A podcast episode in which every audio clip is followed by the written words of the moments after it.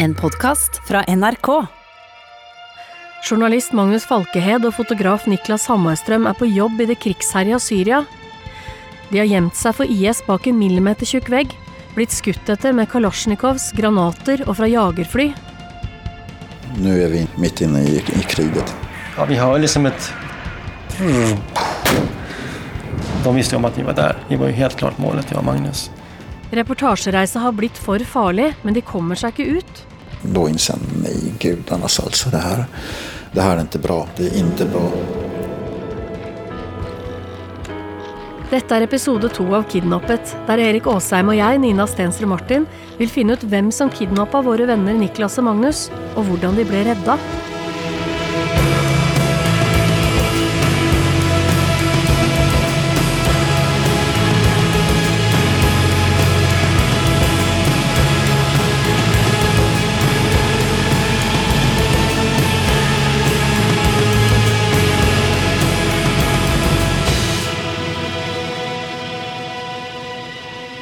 Det er natt, og Magnus og Niklas er redde. De har blitt beskyldt for å være spioner, og de føler seg ikke trygge lenger i huset til soldatene.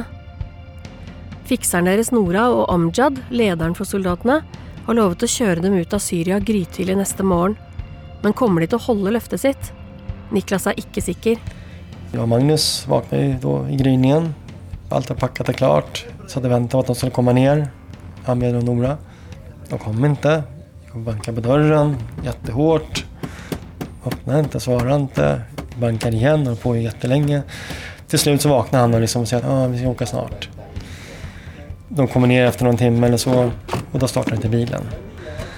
Så fick de åka bort och eh, dels köpa ny bensin och försöka få bilen att funka sen. Så det, hela, hela dagen gick ju nästan. Så vi kom inte iväg förrän, ja, det var väl typ efter lunch någon gång. Har varit mitt i krigen i fem dagar nu. Och Magnus vill bara hem. I min hjärna så tänker jag bara på att åh, om jag, vi bara lyckas komma till Beiruts flygplats så ser jag mig riktigt hur jag ska stå där på incheckningsdisken och bara ta första biljett och hinna hem och bara ge Florence en stor djup kram. Jag har bara lust att vara i hennes armar då, bara väck därifrån. Vi åker mot gränsen. Och eh, ja, vi är jävligt irriterade på dem och på allting. Som, vi ville åka tidigt och nu är det mitt på dagen. Och det var inte alls så vi hade tänkt. Amjad kjører, en av krigerne sitter i forsetet med en kalasjnikov i fanget, og bak sitter Niklas, Nora og Magnus. Och Amjad är också beväpnad. Han har också någon kalasjnikov som ligger där mellan stolarna. Och så han sin pistol som han alltid har på sig också i hölster. Fra baksetet skimter Niklas noe foran dem på veien. Jag ser då ut då från eh, baksätet jag sitter så och ser då att längre fram står en, en bil parkerad tvärs över vägen och spärrar vägen för oss. Och det står några män framför bilen. En kille hade glasögon och någon sån här typ palestinasjal linnad runt halsen. Och rökte, ja alla rökte i och för sig men någon var klädd i svart. Så ser jag Amjad hur sammanbiten han är också inser att oj det här är något allvarligt. Då ser jag också på höger sida att det står en, en bil parkerad på sidan av vägen. De här männen i alla fall då pekar på sina vapen på bilen. De kommer fram liksom och båda ska komma, komma ut ur bilen. Och de kommer fram och tittar genom rutan. Jag försöker göra mig så liten jag kan där bak. Niklas og Magnus kryper sammen bak i bilen. Amjad går ut. En maskert bevæpna mann er oppe på sida av bilen, og flere andre står midt imot. Amja drar sitt vapen, har hans silverkolt som såg ut som tagen ur en dålig Hollywoodfilm. Skjuter med den och sen den andra som står emot, eh, som står mitt emot honom skjuter i marken. Och... Och de börjar skrika åt varandra liksom. Och de skjuter något skott och de träffar han med i handen så han börjar blöda. Och de kommer fram då till, till min sida på dörren och tvingar ut mig i bilen. Nora bredvid mig också börjar bli mer och mer hysterisk. Och hennes röst som går upp i falsett.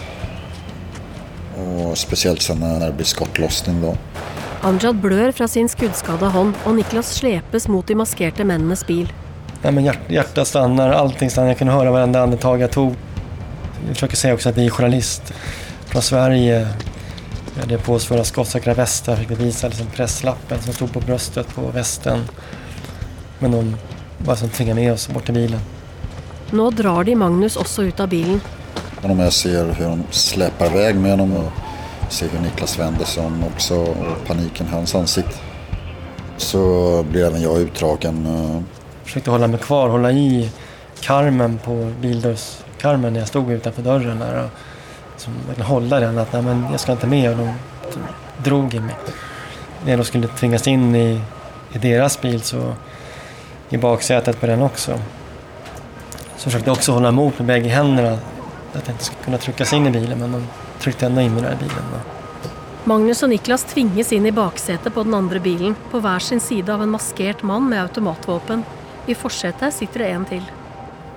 Jag kunde liksom eh, allt från när jag föddes till liksom hela min uppskolan, Anna, barnen. Allt bara spelas upp. Nej, det får inte hända. Inte det här. Och att jag skrek att Gnora hjälp oss, hjälp oss. Det här får inte hända utan du måste hjälpa oss.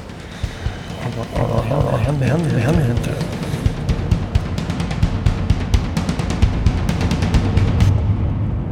Kidnappernes bil raser av gårde. Niklas tror de kjører sørøstlig retning, vekk fra grensa, vekk fra friheten. Den bilen körde så jäkla fort. Den liksom, så himla fort den bilen körde. Magnus første instinkt å forsøke å flykte, Jag ser att min dörr inte är låst på, på min sida. Jag börjar spela att jag är sjuk, liksom stresssjuk och åksjuk, att jag vill kräkas. Och öppnar den där dörren och ser att den verkligen är öppen. Börjar fundera på om, vad är då oddsen om man kastar sig ur? Har ju skyddsvästen på mig, skulle man kunna överleva en kula? Magnus också mådde illa och jag förstod först inte vad Magnus gjorde men började hulka som att han skulle kräkas. Och, liksom, och försökte som öppna fönstret och dörren liksom och de, då killen i framsätet, på passagerarsätet fram, han slänger sig bak för att dra igen dörren och tittar ner på mina knän och, och så såg bara hur benen bara hoppade, så skakade. Så rädd var jag. Så jag kommer jag la handflatorna på knät för att trycka ner benen för att det inte skulle synas att jag, att jag var rädd. Jag ville bara knäppa med fingrarna och vakna upp och, och vara hemma igen. Men ja, så vart det inte. Etter en times tid stopper bilen ved et lite murhus langt fra folk. Magnus begynner med en gang å analysere det han ser. Då kom vi fram i ett hus med en litet vardagsrum med soffor där vi sätts mot innerväggen. Och de här unga beväpnade killarna då eh, med olika vapen. Vi försöker få ut så mycket information vi kan av dem. Börjar be om att få kissa bara för att få se så mycket av huset som möjligt. Men även på toan är det galler för det där jäkla fönstret. Och jag ser bara den här slätten. Nu är vi långt, långt borta från allt. Niklas er redd, men samtidig vil han ha svar på hva mennene vil med dem. Det kommer en till man in i huset som ser läskig ut. Liksom verkligen. Man kan se filmer ibland. Det ser ut som en superkriminell kille i brun skinnjacka, kort snaggat hår. Ja, centimeter skäggstubb och ögon som är kalla som is liksom. Ser verkligen farlig ut. Men han såg verkligen läskig ut. Och vi frågade honom att varför är vi här för liksom? Då svarade han bara kidnappad, kidnappad, kidnappad.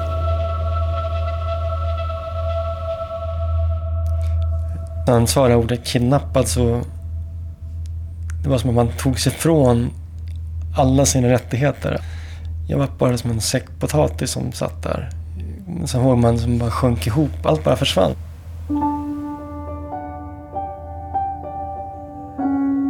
De eneste som vet att Magnus och Niklas är i Syrien, bortsett från familjen och deras, är de som driver billedbyrået Kontinent, som Niklas är tilknytta. En av de som driver Kontinent, är Fredrik Alm. Annenhver dag skal Niklas sende en SMS for å forsikre om at alt er bra, og når SMS-en ikke kommer, går alarmen. Vi har funnet ut at Fredrik Alm har hjulpet mange kidnappingsofre, men han er en hemmelighetsfull fyr som ikke liker oppmerksomhet. Så for å treffe Fredrik må jeg og Erik dra til gruvebyen Kiruna, helt nord i Sverige.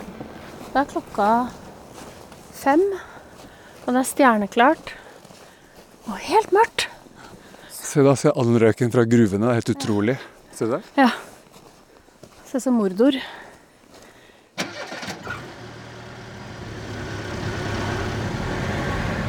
Det vi veit, er jo at Fredrik også har gravd veldig mye i denne historien.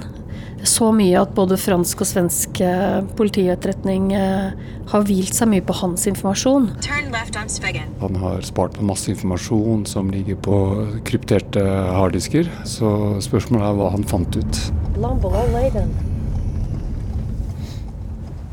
Oi, shit, han bor som i en Altså, det ser ut som en film. Tror det er her. Destination is on your right. Altså hytte. Brun hytte, litt sliten. Med noen kleshengere hengende utenpå huset. Og noen sparker og kjelker og litt juletrelys. Og et drivhus som er helt dogga igjen. Langt inne i skauen utafor uh, eh, Kiruna. Oh, fy faen, det er kaldt. Eh, Hei, Fredrik. Hei. Hei, Erik. Så hyggelig. Ja. Hei, Nina. Wow, Kiruna eksotisk. Tycker du? Ja, det syns jeg. Ah. Fredrik har oransje fleecejakke og svart turbukse. Han er to meter høy med flommende gråsprengt hår helt ned til livet. Den islagte Torneelven ligger helt inntil de frosne rutene på kontoret hans. Og veggen bak pulten er stappfull av dokumenter og bilder og kart over Syria. Det er et lappeteppe av informasjon holdt sammen med knappenåler, piler og notater. Fredrik støtta Niklas i avgjørelsen om å reise til Syria, men lett var det ikke. Vi hade en ganska lång diskussion innan de åkte. Man kan absolut inte rekommendera att åka till Syrien i den tidpunkten. Niklas är en del av vår gemenskap. Så att vi kan inte bestämma varandra. Vi, det är inte vi som ber honom åka. Men Niklas är ju den enda som har varit så mycket i Syrien. Så vem kan det bättre än han?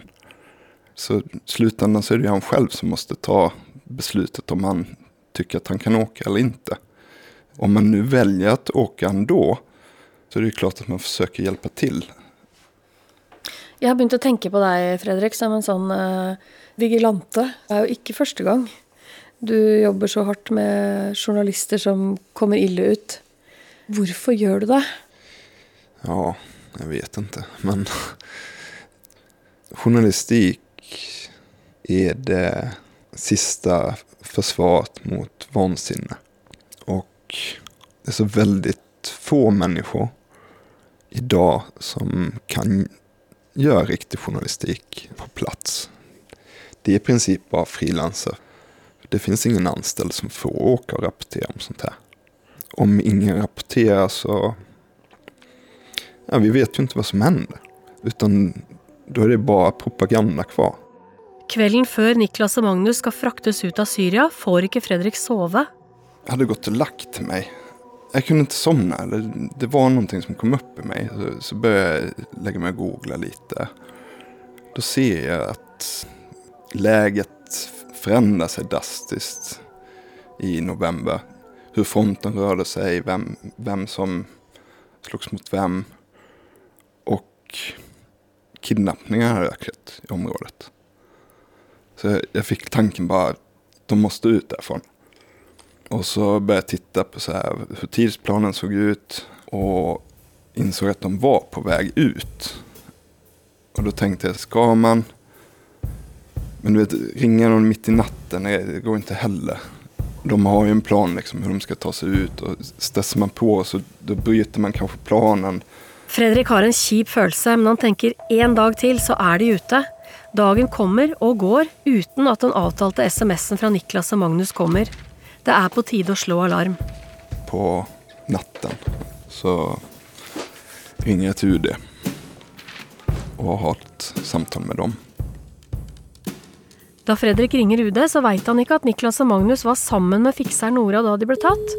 Men han har nummeret hennes, for det la Niklas igjen før han dro. Og telefonen til Nora, den ringer og ringer, men ingen tar den. Det går over et døgn før Nora tar telefonen. Vi syns jo også at det var litt underlig at Nora ikke varsla med en gang. Og akkurat det er en del av fikserens oppgave, en del av avtalen. Man skal varsle dersom noe har gått eh, gærent. Men dagen etter at Fredrik Alm og Kontinent fikk tak i Nora, Mm. så snakka Aftonbladet med henne. Og i det intervjuet så beskriver hun det som skjedde sånn her. Vi forsøkte skydda svenskarna med våre kropper, men angriparna drog loss dem. Ja, Det er jo en litt annen versjon, da, det som Nora her sier, enn det som eh, Magnus og Niklas forteller. Men det er jo noe likt også, da, for Nora forteller jo også om eh, skuddvekslingen. Hun forteller om at de ble ført bort av eh, maskerte menn. Men hun sier at hun er redd for sin egen sikkerhet, og at hun er redd for familie som hun har igjen i Syria. Og det kan jo være en grunn til at hun ikke varsla. At hun var redd, rett og slett. Ja, det, Klart at det kan hende, eh, men vi får ikke konfrontert henne med disse opplysningene, fordi Nora hun ønsker ikke å snakke med oss. Fredrik Alm kan heller ikke si noe sikkert om Noras grunn til å vente. Ja, Hva tenkte du om at Nora ikke hadde varsla noen, da? det kan finnas naturliga orsaker till det. Lite konstigt att eh, telefonen fungerar. Men hon inte svarar. Men man får sätta sig i hennes situation också. Det är klart man kanske skulle få panik. Så snart Fredrik føler seg ganske sikker på hva som har skjedd med Niklas og Magnus, kontakter de familiene. Sen sätter mig och samlar ihop alla uppgifter som behövs. Vi kontaktar de anhöriga. Kona til Niklas, Anna, leser fra dagboka.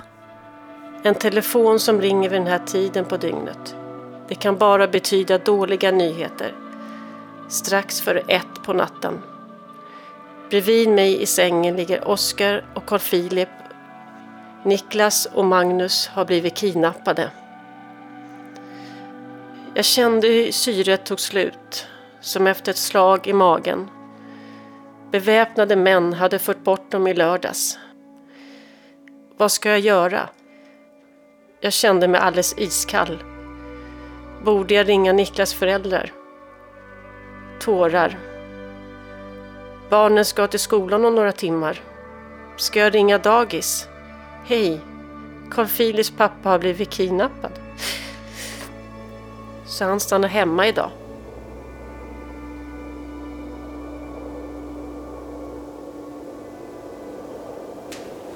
400 mil lenger sør har en av kidnapperne tatt fram en kniv. Han drar skjerfet av halsen til Magnus, skjærer det i to og binder det for øynene på dem. Nå er det helt mørkt. De kan bare orientere seg ut fra det de hører, og én stemme vil brenne seg inn i bevisstheten til Magnus for alltid. Och sen förs vi till den här bilen igen på, då med ögonbind.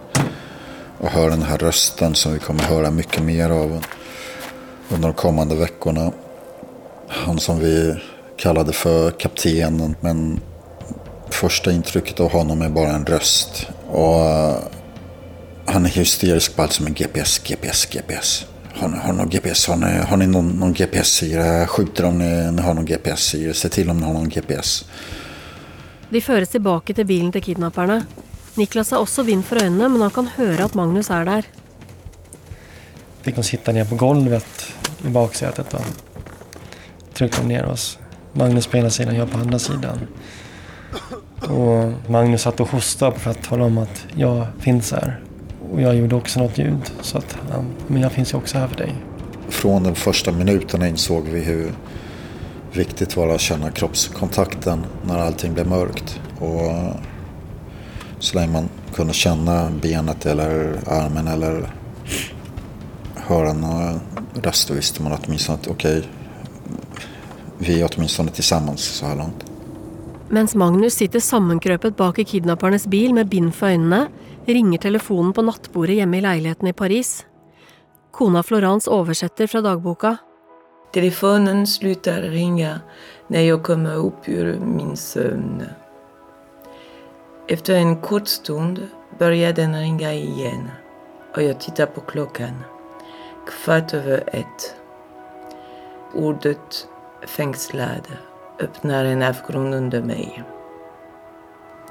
Magnus kom hem. Jag ber dig kom hem. Noen timer seinere ringer Florence til Magnus' nærmeste venner.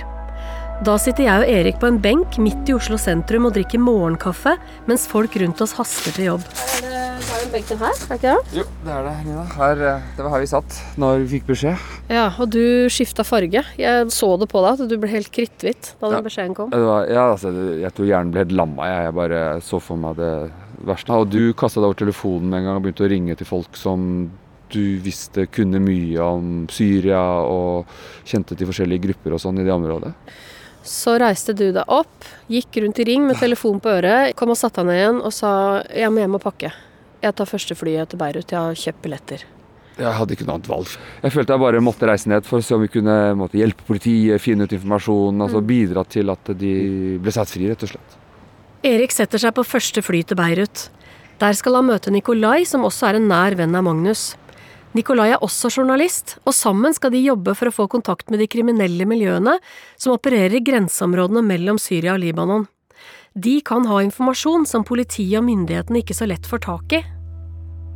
Nikolaj och Erik reser till Beirut imorgon. De ska följa dina spår, söka efter ledtrådar. Men de vill också vara närmare dig. Kom hem nu, Magnus.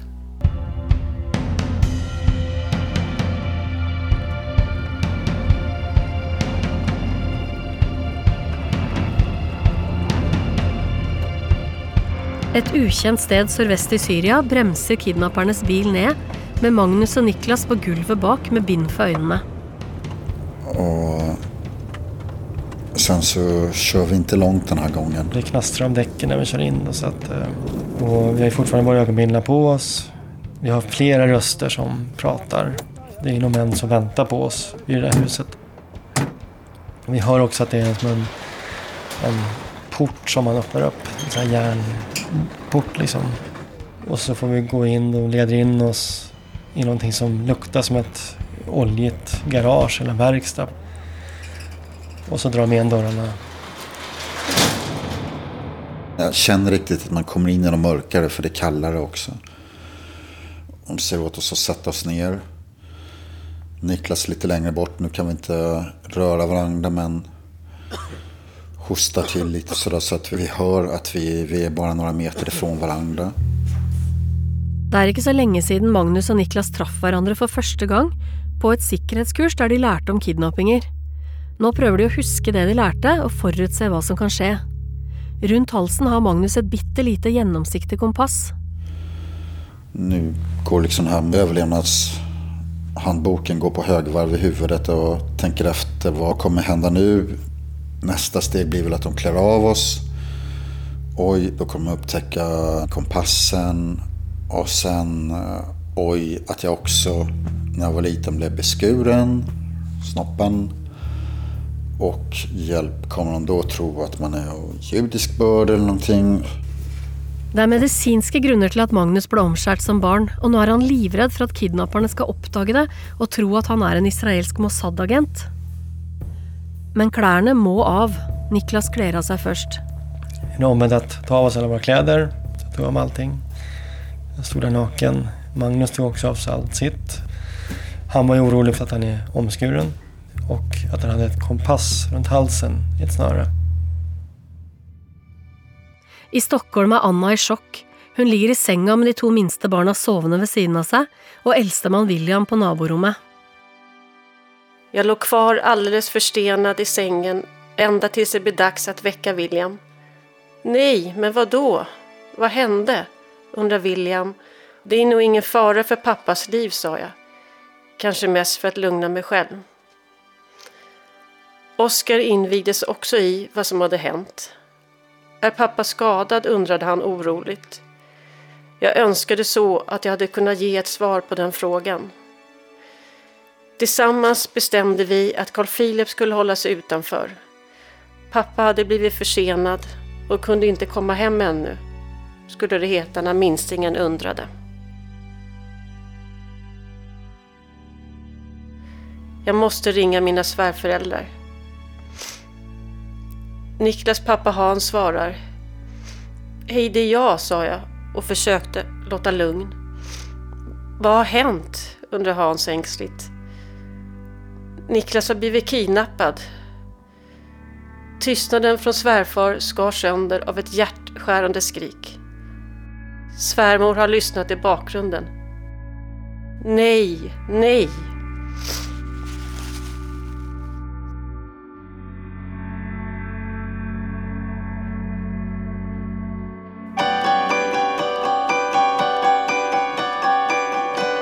Avisene Magnus og Niklas jobber for som frilansere, er eid av hvert sitt mektige mediekonsern. Ja, det stemmer. Aftonbladet er eid av norske Skibsted, Hei, hyggelig. Erik Aasheim. Ja. Välkommen. Takk for det. og Dagens Nyheter er eid av det svenske familieselskapet Bonnier, som har mediehus og forlag i 16 land. Avisene har ikke bedt Magnus og Niklas om å reise til Syria. De veit ikke engang at de var reist inn. Så spørsmålet er om de vil ta ansvar for frilanserne sine. En um, kopp kaffe kanske? Gjerne. Det var deilig. Magnus Ringmann er da personalsjef i Aftonbladet. Det var bildchefen som kommer in i rummet och säger att två svenska journalister är kidnappade i Syrien. Vi gissar att det handlar om Niklas Hammarström och Magnus Falkhed. Det var inte så många svenska journalister som befann sig i Syrien vid den tidpunkten. Det kommer väldigt nära och man blir rädd. Själv rädd också. Gunilla Herlitz er kjent som avisdronninga i svensk media. Da Magnus og Niklas forsvinner, er hun direktør i Dagens Nyheter. Peter Wolodarski ringde till mig. Peter var ju chefredaktör. Vi då samlas omedelbart. Det första jag tänkte var och sa Magnus ska hem. Punkt slut. Han ska hem. Vi beslutade omedelbart att ta en aktiv del i att Magnus skulle komma tryggt hem. Till och kanske inte det vanliga att en medarbetare blir kidnappade i Syrien. Så det kan man ju inte säga att man har någon exakt färdplan att navigera efter. I all hemmelighet slår konkurrentene Skibsted og Bonnier seg sammen for å hjelpe Magnus og Niklas. De velger Magnus Ringmann som leder for gruppa, som de kaller for Rådet. Vi bildade ett råd som bestod av mig som ordförande, en representant från Bonnier, informationsdirektören på Schibsted. Vi hade en sekreterare som dokumenterade allt material. Vi hade en representant för Two Secure som var säkerhetsbolaget som också har erfarenhet av att arbeta just i den delen av världen. Polisen också med på nästan varenda möte. Och sen hade vi ett eh, speciellt rum, ett war room, som vi hela tiden eh, arbetade i. Med låst dörr, där vi hade kartor över området och där vi också kunde skriva upp olika saker som var relevanta på, på en eh, whiteboard. I Kiruna setter Fredrik Alm seg på et fly til Stockholm. Han skal møte de andre fotografene i billedbyrået Kontinent for å se om de kan finne ut hvem som har tatt Niklas og Magnus. Kidnappinga har lekket ut i media, og det kan være farlig. Så kommer deras sak ut i nyheterna. Och då, då blir det ju mediedrev på riktigt. Alldeles nyss kom uppgifter om att två svenska journalister har gripits i Syrien, oklart av vem. Det är ju enorma mängder samtal. Svarar man till telefon så står de utanför dörren. Det var ju en, en riktigt stor mediehändelse också. inte kan säga så där väldigt mycket om vad vi vet, inte vet, gör eller inte gör. Och anledningen till att vi inte bör säga det, det är hänsynen till personerna. Utrikesminister Carl Bildt till journalister i riksdagen idag. Utrikesdepartementet bekräftade igår försvinnandena och sa att man nu arbetar för att få reda på vad som hänt. Helst vill man ju inte kommunicera någonting. Helst skulle man ju velat att det låg under radarn tills man vet vad som verkligen har hänt. Ibland kan uppmärksamhet vara jättebra. Och ibland så gör det bara ännu svårare för de fria. Sen är det ju fantastiskt att ha kollegorna som har varit runt hela jorden för att det finns ju ett enormt kontaktnät hos varje person. Det store kontaktnettet Fredrik og kollegene på Kontinent nå setter sammen, skal bli helt avgjørende.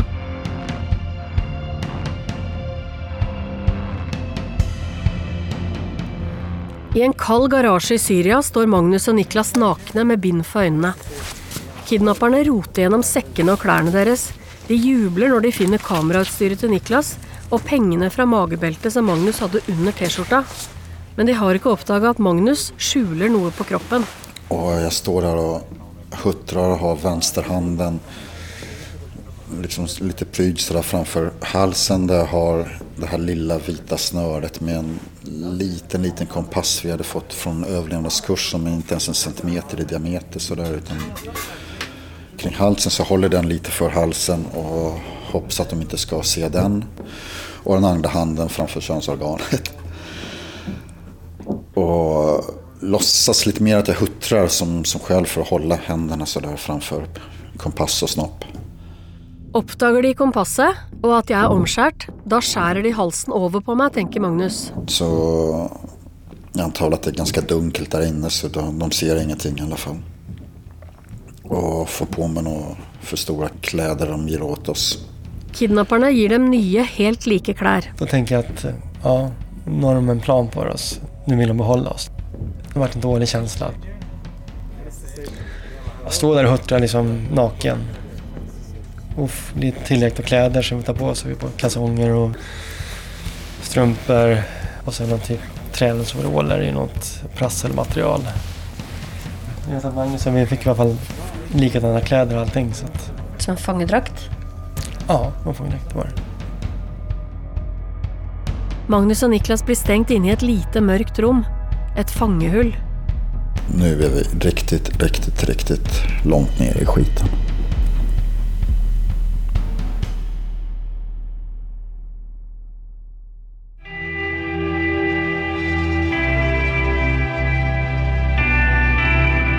I neste episode er Erik framme i Beirut.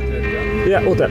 His hotel is here, maybe is here, is hotel is Ramada. Yeah, but I can go to hotel. Vi finner et annet kidnappingsoffer som blir en viktig kilde for de franske hemmelige tjenester som kobles inn i saken.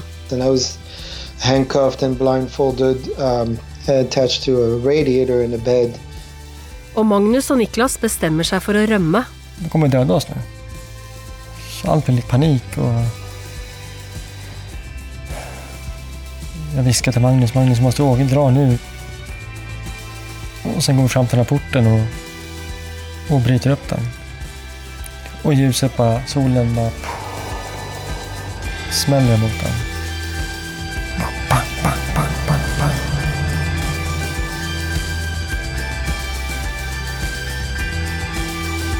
Du har hört den andra av delar av serien Kidnappet. Kidnappet är laga av mig, Nina Stensrud Martin och Erik Åsheim med journalistiske bidrag fra Magnus Falkehed och Niklas Hammarström. Lyddesign är ved Merete Antonsen, och Kjetil Saugestad är producent. Siril Heierdal är ansvarlig redaktör.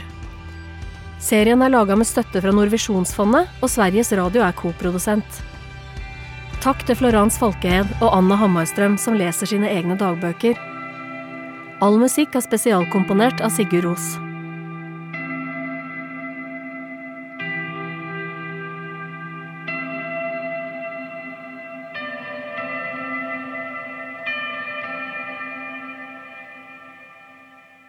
Du har hørt en podkast fra NRK.